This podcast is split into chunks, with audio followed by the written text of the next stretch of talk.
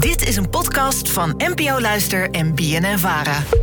Hoi alledaagse vragen. Ik liep vandaag in een kledingwinkel en ik zag de afdeling pyjama's. Maar ik vroeg me af, waar komt de naam vandaan? En wat is de oorsprong van de nachtkleding of de pyjama? Alledaagse vragen. NPO Luister.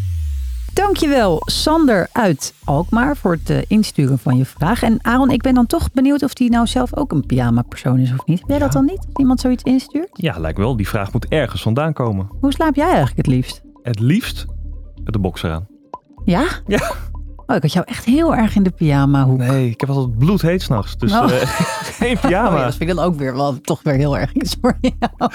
Nee, ik ben echt heel erg van het shirt. Gewoon het t-shirt. Maar ik vind het dus heel onprettig om naakt eh, te slapen. Ik heb ook nooit begrepen waarom mensen daar een voorkeur voor hebben. Ja. Maar goed, zoals jij weet ben ik de laatste twee weken überhaupt eh, van het korte slapen geweest. Ik was namelijk bij eh, Radio 1 en ik vind het heel leuk om weer met jou hier te zitten. Ja, we zitten weer zo te praten alsof je nooit bent weg geweest. Toen ik vandaag op de redactie kwam, begon jij gelijk over bananen in pyjama's en zo. En toen dacht ik, oh ja, Klopt. daar heb ik helemaal nog nooit van gehoord. Ja, door deze vraag bananen in pyjama's. Dat is een iconisch liedje dat als iemand het over pyjama's heeft, dan moet ik daar meteen aan denken. Bananen in pyjama's, Vandaag beantwoorden wij de pyjama-vraag volledig zelf. En hebben oud en vertrouwd gebruik gemaakt van verschillende bronnen, zoals natuurlijk Wikipedia, maar ook de pyjama-webshop, een blog op Matras Factory, Historianet en Modemuze Aaron.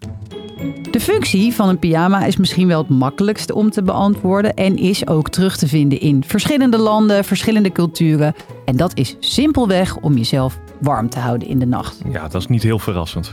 In het oude Rome, zo tussen 700 voor Christus en 1400 erna, werden er vooral tunieken gedragen. Eh, dat was het populairste kledingstuk voor overdag. Maar dat werd dus ook in de nacht aangetrokken bij koude momenten. En het bestond uit redelijk dun linnen. Dus als het koud werd, dan droeg je er gewoon simpelweg drie over elkaar. Jee, dat lijkt me heel, onco- heel oncomfortabel. Ik moet er ook niet aan denken. Maar goed, ze hadden toen niet zo heel veel anders. Een tuniek was het pyjama Ja. nog niet te im vragen. De echte, tussen aanhalingstekens, pyjama komt uit India. En dat was een broek die alleen door mannen werd gedragen. En het woord is dan weer afgeleid van het Perzische woord pajama. Ik hoop dus dat ik het goed zeg, maar vrij vertaald beenkleding. nou, dat verklaart een hoop. In de 17e eeuw waaide de pyjama over naar Europa, omdat Engeland natuurlijk de kolonisator was van eh, India. Na de introductie hier werd de pyjama vooral gedragen als een soort ja, huisbroek om in te relaxen. Eh, en kwamen er ook varianten voor vrouwen op de markt. En een saillant detail is dat de pyjamabroek een van de eerste broeken is die een vrouw mocht dragen. Daarvoor eh, waren broeken no-go. Ja, Aaron, moet ik je dat verhaal echt Nee, Rokke, ik weet het, ik weet het. Maar het is gewoon zo bizar. Ik ben gewoon eventjes van mijn apropos. Opnieuw flabbergasted. Eh zo is de pyjama überhaupt onderhevig geweest aan mode. Zo was Kant rond 1850 nog een tandje te sexy. Maar droegen de dames dit wel al in de slaapkamer in een soort jurkjesvariant. Maar nog niet als loungekleding. Zo rond 1860 zie je de eerste moderne versie van de pyjama opkomen. Een lang shirt met een broek eronder. En voor de mannen dan nog met van die grote knopen Och, ja. erop aan de voorkant. Ik heb als kind eh, zo'n soort pyjama gehad. Waarschijnlijk omdat mijn ouders dachten, oh, dit is zo leuk. Het ziet er zo schattig Ja, uit. precies. nou, misschien kan je hem een keer meenemen. Daar pas ik niet meer. Rond 1920 maken die grote knopen juist plaats voor de bekende streepjes. En hoe mooier dat was gedaan, hoe chiquer en hoe rijker je was, dat kon je daar ook mee uitstralen. En mocht je nou echt status willen uitdragen, dan droeg je er ook nog zo'n grote ochtendjas overheen. En misschien zelfs een pijp of een sigaar, zie ik dan nu meteen Oh, voor me.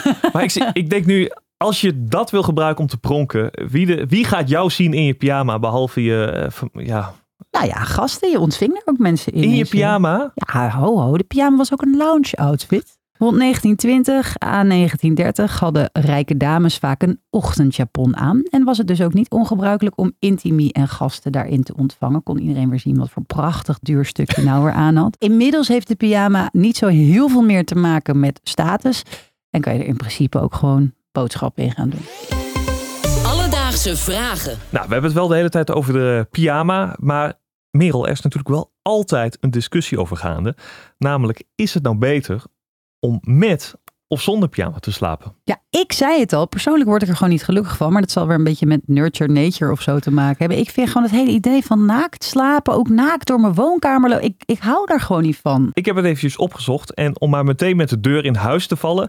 Er is geen sluitend wetenschappelijk antwoord op de stelling. Het gaat vooral, wat jij al zei, eh, over persoonlijke voorkeur. Tadaa. Wat vinden mensen nou fijn? Toch zijn er wel een paar argumenten die steeds terugkomen op het gebied van naakt slapen. Ach, vooral Wat willen mensen toch graag dat het wel zo waarom je het wel zou doen. De eerste is vrij duidelijk. Die stelt namelijk dat je sneller in slaap zou vallen, omdat je lichaam zonder pyjama beter afkoelt. En dat is iets wat je lichaam standaard doet als je gaat slapen. Dan wordt je temperatuur wat lager. Daarna zou je er ook weer tegen in kunnen brengen. Sommige mensen hebben het ook juist te koud zonder pyjama en kunnen daardoor niet lekker in slaap vallen. Dus die is eigenlijk meteen een soort van ontkracht. Eh, ja, en wat ik ook heel veel tegenkwam, is dat het ook heel veel met eh, de intieme zones bij de mensen te maken hebben. Verrassend. Ja, eh, zo hebben vrouwen minder kans op schimmelinfecties als ze naakt slapen. En voor mannen zou dan weer beter zijn voor hun zaadkwaliteit. Omdat, en daar gaan we weer, de temperatuur lager is. En dat, ja, dat is beter voor je ballen. Misschien dat we dan kunnen pleiten voor wel een lang shirt, maar geen onderbroekje aan. Dat zou het beste van beide werelden zijn. Nou, Sander, de functie van een pyjama, die is denk ik best wel duidelijk. Gewoon om je lekker warm te houden s'nachts. Inmiddels hebben we natuurlijk hele goede dekens, dus kan je je afvragen of de pyjama echt nog nodig is.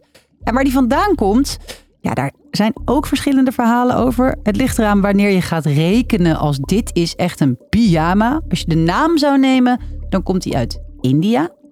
En eigenlijk weer uit Perzië. En is hij rond de 17e eeuw overgewaaid uit het oude India, wat toen nog een kolonie was uit Engeland, naar Europa. Heb jij ook een vraag? Stuur ons dan een bericht op Instagram. Dat kan naar Alledaagse Vragen. Maar je mag ook mailen en dat kan naar alledaagsvragen.bnnvara.nl En dan zoek ik het voor je uit. Alledaagse vragen. NPO Luister. BNN Vara.